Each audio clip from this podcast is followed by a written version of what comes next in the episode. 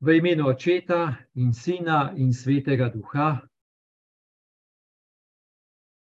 Se ti, Gospod, zahvaljujemo za to mizo Božje besede, na kateri je tvoja beseda, tokrat je ena prav posebna, tako bogata, večplastno, simbolična, in zato te še toliko bolj in še posebej prosimo, Gospod, za tvojega svetega duha ki nam more odstirati pomen, sporočilo, božjo bližino, božji nagovor skozi ta odlomek.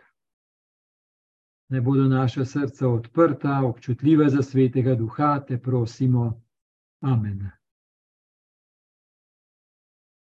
No, odlomek, ki nam je dan, odlomek, ki nam je dan za to nedeljo, Torej, pred nami je tretja postna nedelja, in v letu A beremo, da nam je dan odlomek iz Janeza 4. Um, in sicer pri Mašah bo se duhovnik odločil, ali bo daljša varianta ali krajša varianta. Torej, ta odlomek Jana 4 je zelo dolg.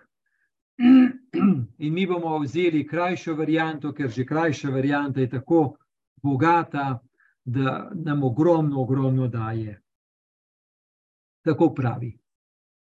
Tisti čas je Jezus prišel v samarijsko mesto, imenovano Sihar, blizu posesti, ki jo je Jakob dal svojemu sinu Jožefu. Tam je bil Jakobov studenec. Jezus je bil utrujen od poti in je kar sedel k studencu. Bilo je okrog šeste ure. Kdaj je prišla žena iz Samarije, da bi zajela vode? Jezus je rekel: Daj mi piti. Njegovi učenci so namreč odšli v mesto, da bi nakupili hrano. Samarijanka mu je tedaj rekla: Kako vendar ti, ki si jud, prosiš mene, Samarijanko, naj ti dam piti? Ljudje namreč nočejo imeti stika s Samarijani. Jezus je odgovoril in rekel: če bi poznala božji dar in če bi vedela, kdo je, ki ti pravi, daj mi piti, bi ga ti prosila in dal bi ti žive vode. Žena mu je rekla: Gospod, nimaš čim zajeti in vodnjak je globok, odkot imaš torej živo vodo? Ti marti večji, kakor naš oče Jakob, ki nam je dal ta vodnjak in je iz njega pil on sam, njegovi sinovi in njegova živina. Jezus je odvrnil in rekel: Vsak, kdo pije od te vode, bo spet žajen. Kdor pa bo pil od vode, ki mu jo bom jaz dal, ne bo nikoli žajen, ampak bo voda, ki mu jo bom dal, postala v njem izvir vode, ki teče v večno življenje. Žena mu je rekla: Gospod, daj mi te vode, da ne bom žejna in ne bom hodila sem zajemat. Rekel je: Pojdi in pokliči svojega moža in pridi sem. Žena je odgovorila in mu rekla: nimam moža. Jezus je rekel: Dobro si rekla, nimam moža. Kaj ti pet mož si imela in ta, ki ga imaš zdaj, ni tvoj mož. To si prav povedala. Žena mu je dejala: Gospod, vidim, da si prerok. Naši očetje so častili Boga na tej gori, vi pa pravite, da je kraj, ki ga je treba častiti v Jeruzalemu. Jezus je rekel: Veruj mi, žena, da pride ura, ko ne boste častili očeta, ne na tej gori in ne v Jeruzalemu. Vi častite, česar ne poznate, mi pa častimo, kar poznamo, kaj ti odrešenje prihaja od judov. Pride pa ura in je že zdaj, ko bodo pravi častilci častili očeta v duhu in resnici. Prav takih častilcev si namreč želi oče, Bog je duh in tisti, ki ga častijo, ga morajo častiti v duhu in resnici. Žena mu je dejala: Vem, da pride Mesija, kar pomeni maziljenec. Ko pride, nam bo vse oznanil. Jezus je rekel: Jaz sem, ki govorim s teboj. Veliko samarijanov iz tistega mesta je začelo verovati van zaradi žene, ki je pričevala: Vse mi je povedal, kar sem storila. Ko so Samarijani prišli k njemu, so ga prosili, naj ostane pri njih in ostave tam dva dni. Zaradi njegove besede jih je še veliko več začelo verovati. Ženi pa so govorili: ne verjamemo več zaradi tvojega pripovedovanja, kajti sami smo slišali in vemo, da je on resnično odrešenik sveta. No, to je res tak lep odlomek, ki bi ga lahko kar znova in znova prebirali, in bi nas gotovo znova in znova nagovarjal, ker je res mnogo plasten.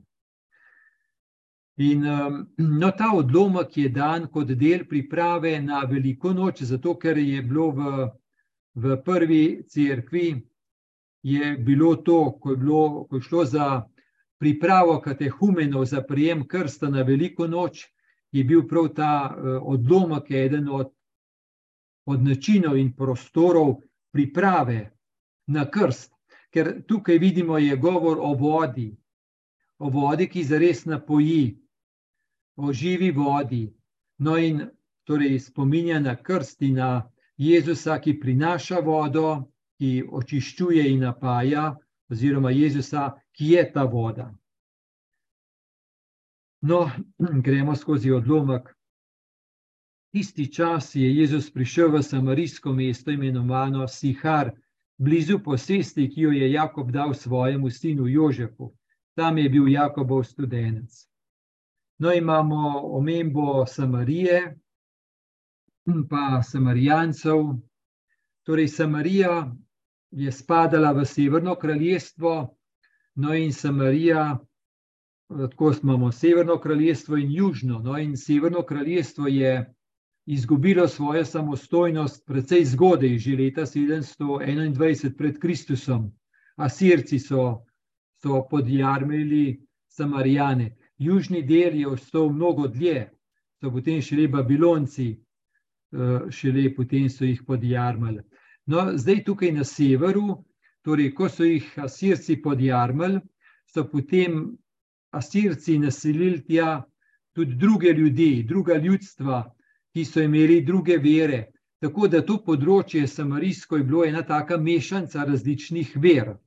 Torej, gotovo so bila tudi verovanja v Jahveja, ampak vendarle pa tudi kaj drugega, pa tudi malo mešanice vsega. Torej, čist drugo je bil, naprimer, Judeja, pa Jeruzalem, tam so zelo ohranili, bi rekli, eno tako čisto vero v Jahveja. Ta severni del pa je bil tako, zato so ljudje, so samarijane gledali tako zviška, kot odpadnike, kot ene take ne čisto verce. In so res zviška so jih gledali, zato je potem rečeno, da ljudje namreč nočijo imeti stika s Samarijani. Ker ljudje so prav na to svojo čistino vere v Jahvaja veliko dal in so se imeli za kar nekaj zaradi tega. No, in to bomo tudi občutili zdaj naprej v tem odlomku. Pravi, Jezus je bil utrujen od poti in je kar sedel k študencu. Bilo je okrog šeste ure, Kdaj je prišla žena iz Samarije, da bi zajela vode, Jezus je rekel: Daj mi piti. Njegovi učenci so namreč odšli v mesto, da bi nakupili hrano. Samarijanka mu je tedaj rekla: Kako vendar ti, ki si jut, prosiš mene, Samarijanko, naj ti dam piti? Torej, najdemo pri tem vodnjaku, najdemo torej Jezusa, ki je utrujen od poti, in pa ta žena, ki je prišla. No, je omenjeno, da je bilo okrog šeste ure. Torej, ljudje so tako merili čas um, od 1 do 12, pa od 1 do 12. Zvečer je bil začetek dneva, torej od večera pa do jutra je bilo 12 ur, in potem so ponovno začeli šteti od 1 naprej, pomeni od 6 ure pa do 12 ure, 6 ura je torej 12 ura pomeni, da je to čas najhujše vročine. Zato je Jezus, torej Jezus je bil res utrujen od poti, očitno toliko, da, da je učence poslal sami, pejte, jaz tukaj vas počakam. No, in Jezus je tudi to vedel, da ko je ta žena prišla ob tako nemogoči uri, da pride zaradi tega, ker v bolj primernem času ne more priti ker običajno so hodili po vodo, bodi si zjutraj ali pa zvečer, ko ni bilo vroče. In uh, takrat, to se pravi, v običajnih urah so hodili, bi rekli, socialno sprejemljivi ljudje. Medtem ko pa ta žena je pa bila zelo izločena, izločena iz, lahko rečemo, iz vaške skupnosti, tako močno izločena, da je bil edini prostor, edini čas, da je takrat prihajala ob čist nemogoči uri, ko noben drug ni hotel. Drugače je bil socialni pritisk tako velik, da jo ne bi pustili, da bi ona bila eh, pri vodnjaku ob urah kot druge, kot druge žene. No, in torej vidimo, da se Jezus obrne k tej ženi in ji reče: Daj mi piti. Tukaj moramo se res ustaviti, da začutimo, kaj to pomeni, da je Jezus Samarijanko prosil. Torej, ljudje eh, so Samarijane gledali zviška.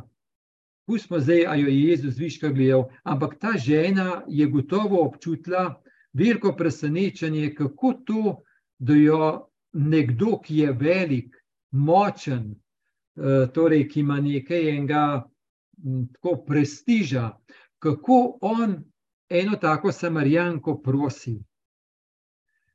Ker to res ni mehna stvar. Da, kar zamislimo si, da bi mi tam enega, ne vem, na cesti enega klošarja za nekaj prosili. Ampak iskreno prosili, ne samo tako, kar nekaj za hec, ampak za res prosili.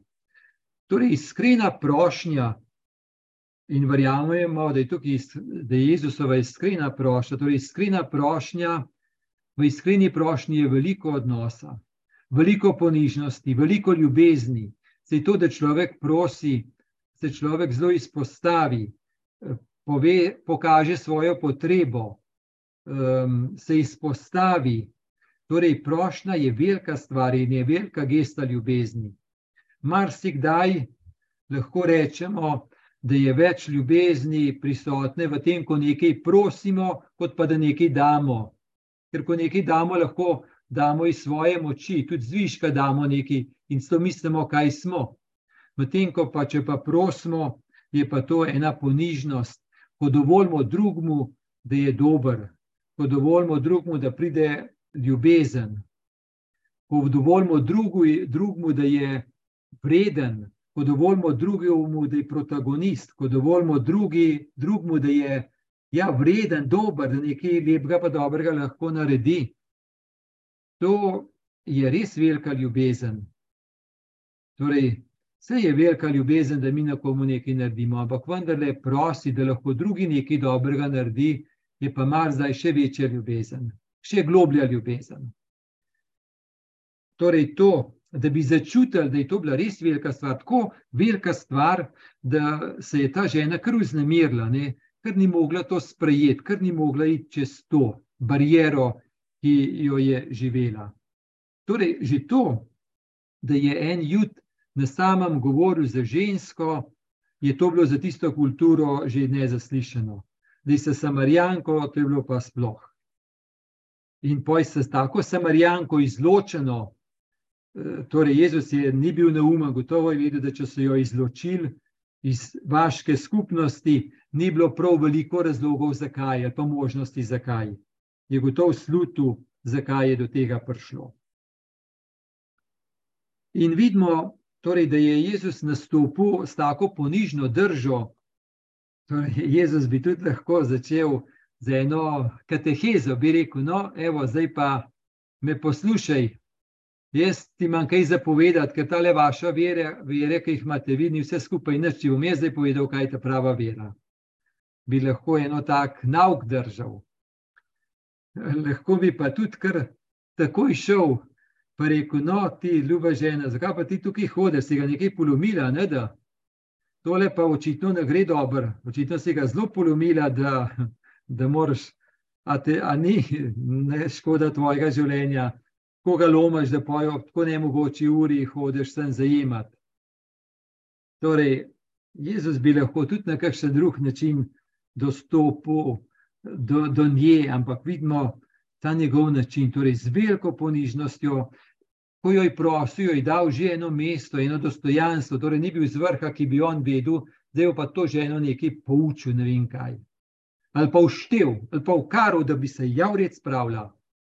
Ampak vino stopi k njej, se spusti k njej, um, ji daje prostor, prošno, ji daje veljavo, ji daje vrednost, da Jezus mehkega naredi. Torej, ona, vidno, je malo protestirala, Jezus pa tako odgovori. Jezus je odgovoril in rekel: Če bi poznala Božji dar in če bi vedela, kdo je, ki ti pravi, daj mi piti, bi ga ti prosila in dal bi ti žive vode. No, tukaj Jezus torej na to njeno držo nekako že odpre, že prav, res je, jaz te nekaj prosim, ampak veš, jaz imam tudi nekaj zate. Jaz imam nekaj zate. Um, to se pravi, že pokaže nekaj čez, da že bi rekel, lahko um, začenja v ženi vzbujati eno željo, pa krepenje po eni drugi vodi, ki jo on poimenuje živa voda.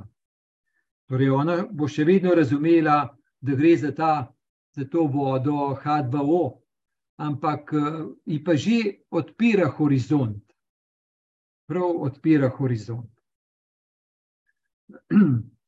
Torej, žena, ko on umeni, da ima on nekaj za njo in da ima živo vodo, torej ona, hm, ko razume to, žena mu je rekla: Gospod, nimaš čim zajeti in, vojake, in vodnjak je globok, odkot imaš torej živo vodo? Ti mar ti večji, kot naš oče Jakob, ki nam je dal ta vodnjak in je iz njega pil on sam, njegovi sinovi in njegova živina. Torej, to vidimo nekaj takega, kar je, kar je tipično za Janezov evangelij um, večkrat se to ponovi, kako so besede iste, ampak preden Jezus pove, kaj pravzaprav on misli, um, kar en čas traja. Torej, da se Jezus sreča s človekom, uporablja isti izraz. Da Jezus nekaj pove, uporablja isti izraz, ampak potem pa počasi nekaj novega pove. Če pomislimo, naprimer, Jezusovo srečanje z Nikodemom, je tudi v Janezovem evangeliju, kako je govoril o novem rojstvu in kako je Nikodem najprej razumel, da je treba iti najprej ponovno, torej da je edino rojstvo biološko rojstvo in da, da bi šel potem nazaj v, v maternico matere, pa ponovno bil rojen. Tako, to se pravi, je, je človek tako nekako ujet samo v ta svet, samo v horizontalo, samo v imanenco, samo v nekakšen ta, bi rekel, horizontalen diskurs, da nekako Jezus kar en čas mora ustrajati, da človeku odpre, da, da je še nekaj drugega. In um, izrazi so lahko isti, ampak je pa potem še nekaj drugega, ena druga resničnost, skrivnostna resničnost ki nekako na ta način jo Jezus nam odstira. Torej, tukaj skozi živo vodo. Čeprav ona v prvi reakciji še vedno misli torej na to vodo, ki poteši telo, še vedno je pri tem. Ne? To se pravi, na njo gotovo je ta pritisk preživetja, ta pritisk, kako si urediti to življenje, tako velik, da kaj drugega kot rešiti problem življenja, pa preživetja, poskrbeti za, breku, za, za to horizontalo eh, življenja, niti ni še prostora v njej.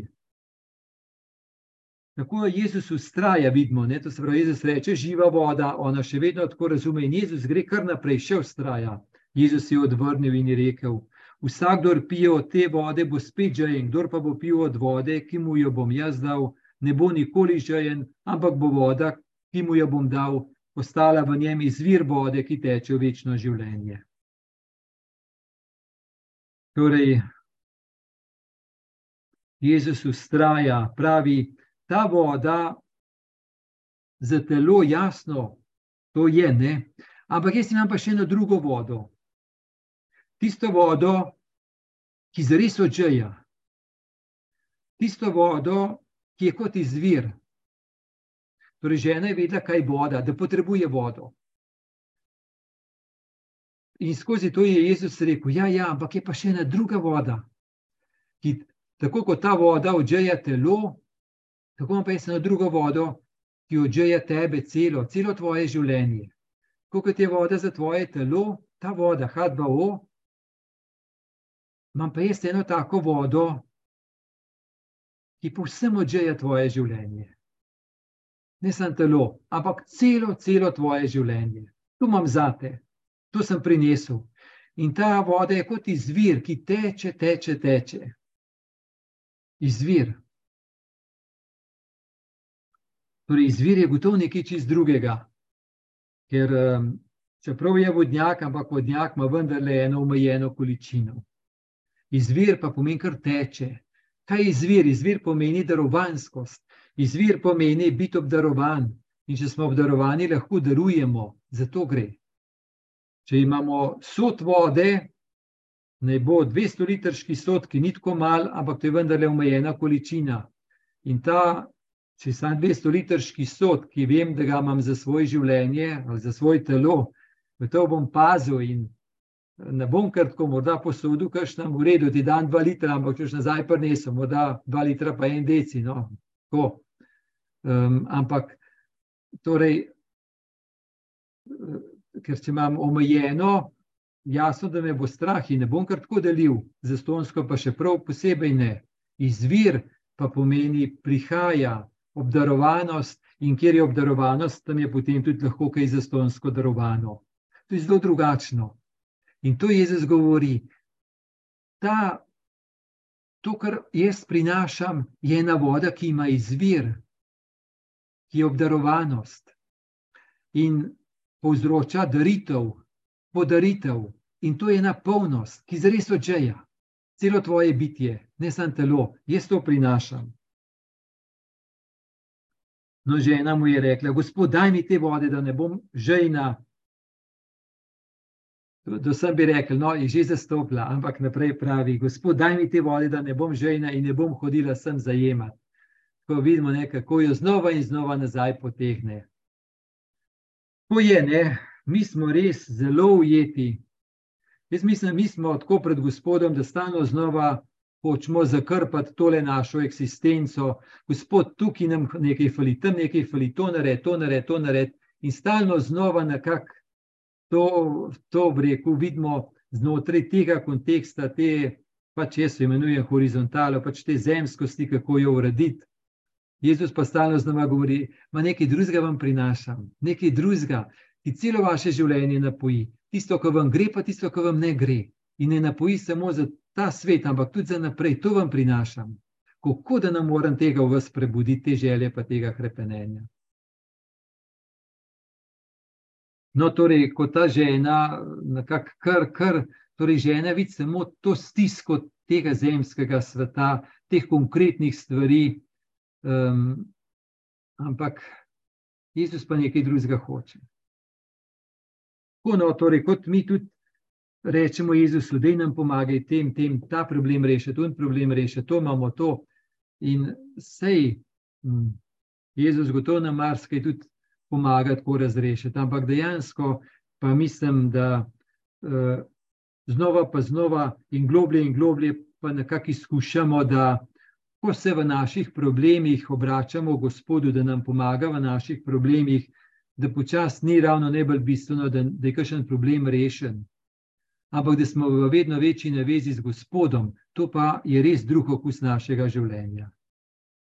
Torej, dobra štartna točka rešitev problema, ali pa problemov, zdaj tega, zdaj unga, zdaj tretjega. Hvala Bogu in da prosimo Gospoda, jasno, ampak to ne, da skozi to nas Jezus potegne v odnos in nam odstira horizont, v kdo je on in kaj nam on prinaša in v čem je njegovo odrešenje.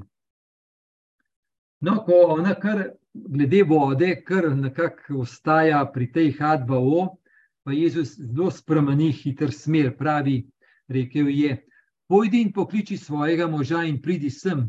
Žena je odgovorila in mu rekla: Nimam moža. Jezus je rekel: Dobro si rekla, nimam moža. Kaj ti pet mož si imela in takega imaš, zdaj ni tvoj mož. To si prav povedala.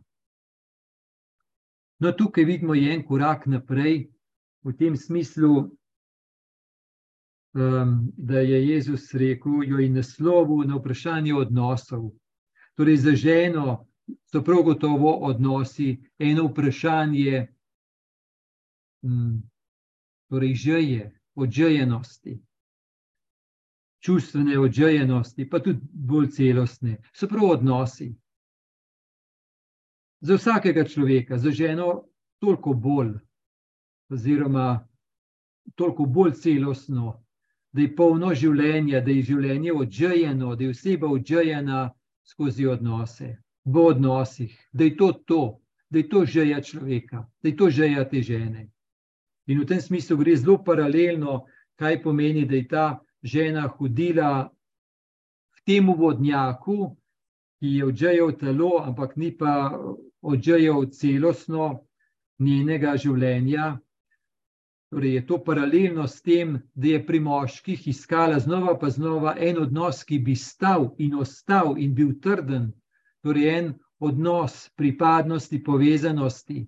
Je probavala, pravi, pet mož, pa še ni ta pravga našla, torej ta pravga odnosa ni bilo, pripadnosti, ljubezni, ljubljenosti, prostora, da bi lahko bila ljubljena in ljubila. In um, pravi, zdajšnji je šesti.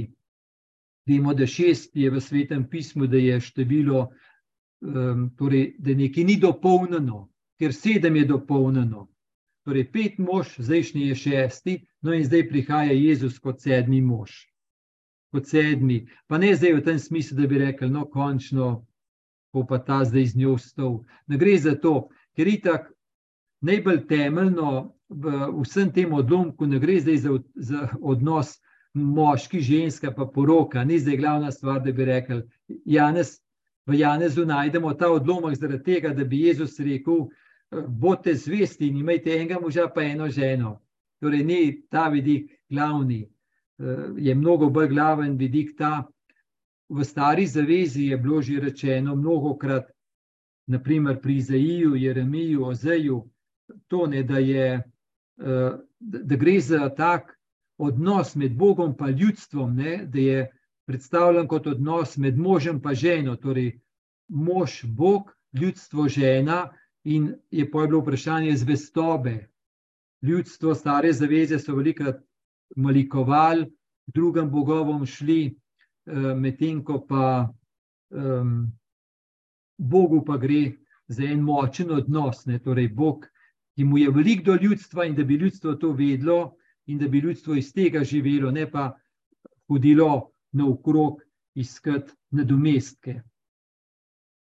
No, torej, večplastno je tudi teh pet mož, velikrat, v, ko je govora o tem odlomku, je velikrat tudi to rečeno, da pet mož v tem smislu je tudi pet različnih verovanj, ki so jih imeli, pa še šesto zdaj. Samarijanci, ki sem rekel, ne, da niso bili tako čista vera v Jahvoja, ampak malo so pomešali še z drugimi verovanji, ker so bili pomešani z drugimi ljudstvi. No, torej, zdaj, kakšno besedo, vsaj kakšno tako eksistencialno, kaj pomeni torej, to njeno iskanje možov, pa nič ni potešil, kaj pomeni to zajemanje, ki tudi ni potešil za res. Torej, enih takih nadomestkov, ki nekaj dajo, ampak ne zapolnijo, ne odžejajo za res celega življenja. Eno je gotovo lahko potrošništvo in materialno blagostanje, ki ga imamo v zahodni civilizaciji, toliko, da ga človeštvo še ni imelo doslej, ampak je jasno, da to ne more celote življenja, kar je človek zapovedal. Potrošništvo nikdar ne more. Tudi denar, Denar je potreben in z denarjem lahko marsikaj kupimo, ampak verjetno ravno, kar je zelo dragoceno, eno prijateljstvo, verjetno z denarjem ne moremo kupiti. Oziroma, če bi kdo mislil, da z denarjem lahko vse kupi, potem ve, da kupuje nadomestke, ne pa polno življenja. Polno življenja je daritev, je ljubezen, je zastonskost, ne pa, ne pa tisto, kar je pridobljeno z vlastnimi sredstvi in načini v tem, kaj je naprimer, en tak nadomestek, eno tako iskanje temeljne zaslombe pri ljudeh. Tudi ena domesta, ki ne odžeja, ki ne napolni, ker vsakdo je vendarle tudi krhak in človek, bližnjimi lahko nekaj da, imeti pa bližnjega za en absoluten izvir, pa ne bo dobro šlo. Kaj še reče pri bližnjem, iščem potrditve, da nekako mi on daje dovoljenje, da živim, da mi on daje potrditev, da živim. To vemo, da, da, da, da to so take, taka voda, ki zelo hitro mine in že je ostane, pa še poveča se. V tem, kaj bi pomenil, naprimer, ena čustvena preskrbljenost in čustvena zapolnjenost. To je gotovo en tak, dost um, čustvena preskrbljenost, tudi en tak vides, ne, da če bom pa čustveno preskrbljen, pa bo moje življenje preskrbljeno. Torej, to, to, to, to so nadomestki. Pojde, da govorimo, ne, kaj pomeni iskanje časti, oblasti, zunanjega uspeha, da si pridobimo ugled pred ljudmi, moč nad drugimi in to so sami nadomestki, ki ne odžejo. Nekaj dajo, ampak to ni to morda je pa najbolj skrit malik človek sam, človek sam sebi. V tem smislu, da se človek toliko računa na sebe, da bo človek sam iz svojih moči, iz svoje volje, čustva, razuma, dosežkov, moči, sposobnosti, da bo človek sam svoje življenje napolnil, tako napolnil, da ga bo povsem odželjal. To je pa gotovo najbolj skrit malik, najbolj skrit nadomestek najbolj skrita lažna gotovost. No, Jezus pa prinaša nekaj zelo drugega. Torej, Jezus prinaša vodo, ki zares odžeja. Torej, kaj je ta voda, ki zares odžeja? Mi bomo zdaj malo preskočili tega, da nam časa ne bo zmanjkalo, da ne bomo da pridemo do tega Jezusa, ne, kaj prinaša. Zato gremo zdaj malo bolj hitro naprej. Torej, ta Mesija, poslani, da prihaja in prihaja k tej ženi. Um, torej, Jezus je rekel, um, ker poj naprej je žena rekla. Uh, Gospod, vidim, da si prerok, naši očetje so častili Boga na tej gori, vi pa pravite, da, je kraj, da je kraj, kjer ga je treba častiti v Jeruzalemu. Torej, vidimo, kako se je ta žena pustila povesti v globino, da je čutila, da za tem iskanjem odnosa, da dejansko je iskanje odrešenja. Vse, ko človek išče odnose, išče odrešenje, ko človek išče v materialu, dejansko išče odrešenje, samo da v navideznosti, da išče. Ko, ko človek išče, ne vem, v čustveni preskrbljenosti odrešenje išče, ampak res na, na napačen način, na napačnem kraju, pri napačnem vodnjaku in ne odžeja. No, in Jezus potem pravi: Jaz sem prišel, jaz sem ta poslani, da prinašam končno to polno življenje. In um, torej, Jezus prinaša večno ljubezen, brezpogojno zastonsko ljubezen. In človek, kot je človek narejen, torej po božji podobi, je človek tako narejen, da za človeka ni močnejše, trdnejše, globlje bivanske gotovosti, kot da je brezpogojno in zastonsko ljubljen. Ni močnejšega izvira, ni močnejše napojenosti, ni močnejše absolutne bivanske gotovosti kot to, da je brezpogojno zastonsko ljubljen. In tega v stvarstvu ne najdemo, ne najdemo ne v sebi, ne v bližnjem. Torej, kakšne žarke že, ampak ne pa to, da bi v eni celoti življenja, da bi celoto življenja to napolnili. No, in Jezus to prinaša, on pa prinaša, vse on to prinaša. On pa je ta trden kanal, močen kanal, da prinaša nam očetovo ljubezen. Torej, da smo zastonsko ljubljeni in ko smo zastonsko ljubljeni, pa lahko tudi ljubimo. Ko lahko bolj in bolj živimo, da je vse dar, da je vse podarjeno, pa lahko tudi podarimo, darujemo zastonsko. Ni treba, ko nekaj damo, da moramo nekaj si lastiti, enih zaslug. ene vrednosti, češ kaj sem, ker sem nekaj, nekomu nekaj dobrega naredil, kaj sem jaz ureden, ker sem za nekaj dobrega naredil. Ampak da je dejansko to, da če sem ljubljen in ko jaz lahko ljubim, nekomu nekaj dobrega naredim, je že to tako veliko plačilo, da gre ena zastonska ljubezen skozi mene, da je že dopolnjeno vse. Ni treba nobenih dodatnih pohval, nobenih dodatnih, torej, če pride, ni nič narobe, jasno, da ne, ampak da ni iskanja tega. Torej, to je torej, voda, ki jo žeja, ljubezen, zastonska ljubezen, očetova ljubezen, ki nam jo Jezus prinaša in da nam Jezus prinaša očeta. In če prinaša očeta, pomeni, da prinaša odnos med Jezusom in očetom, da nas potegne v ta odnos z očetom. In če smo potegnjeni v odnos z očetom, pomeni, da smo v enem takem kontekstu, kjer so naši bližnji bratje in sestre, torej ne kdorkoli, ampak brat in sestra. To nam Jezus prinaša. In to je novo življenje, to je božje življenje, to je božje kraljestvo, to je voda, ki zares odžeja. Torej, kaj vse mi iščemo, kje vse iščemo, pa se zmatramo, pa smo ne vem, kaj vse. Ogromno nas življenje zmatra, zaradi tega, ker iščemo na napačnih krajih in se zaletavamo, in smo jezni, in smo ogroženi, in tako naprej. Jasno, te silnice so močne, so pač zelo globinske in to je, no, torej Jezus prinaša, prihaja on kot odrešenik, on prihaja, da sprejmem njega, da sprejmem njegovo življenje.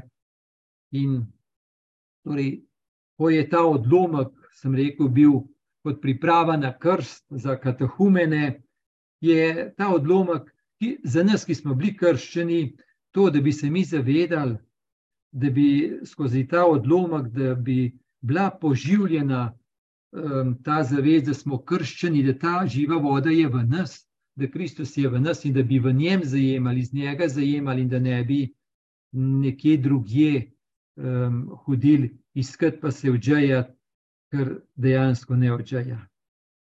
Je res lepo doma, ne da? Res bogat, je res poven. No, naj vse spremlja Božji blagoslov, blagoslov Boga Očeta in Sina in Svetega Duha.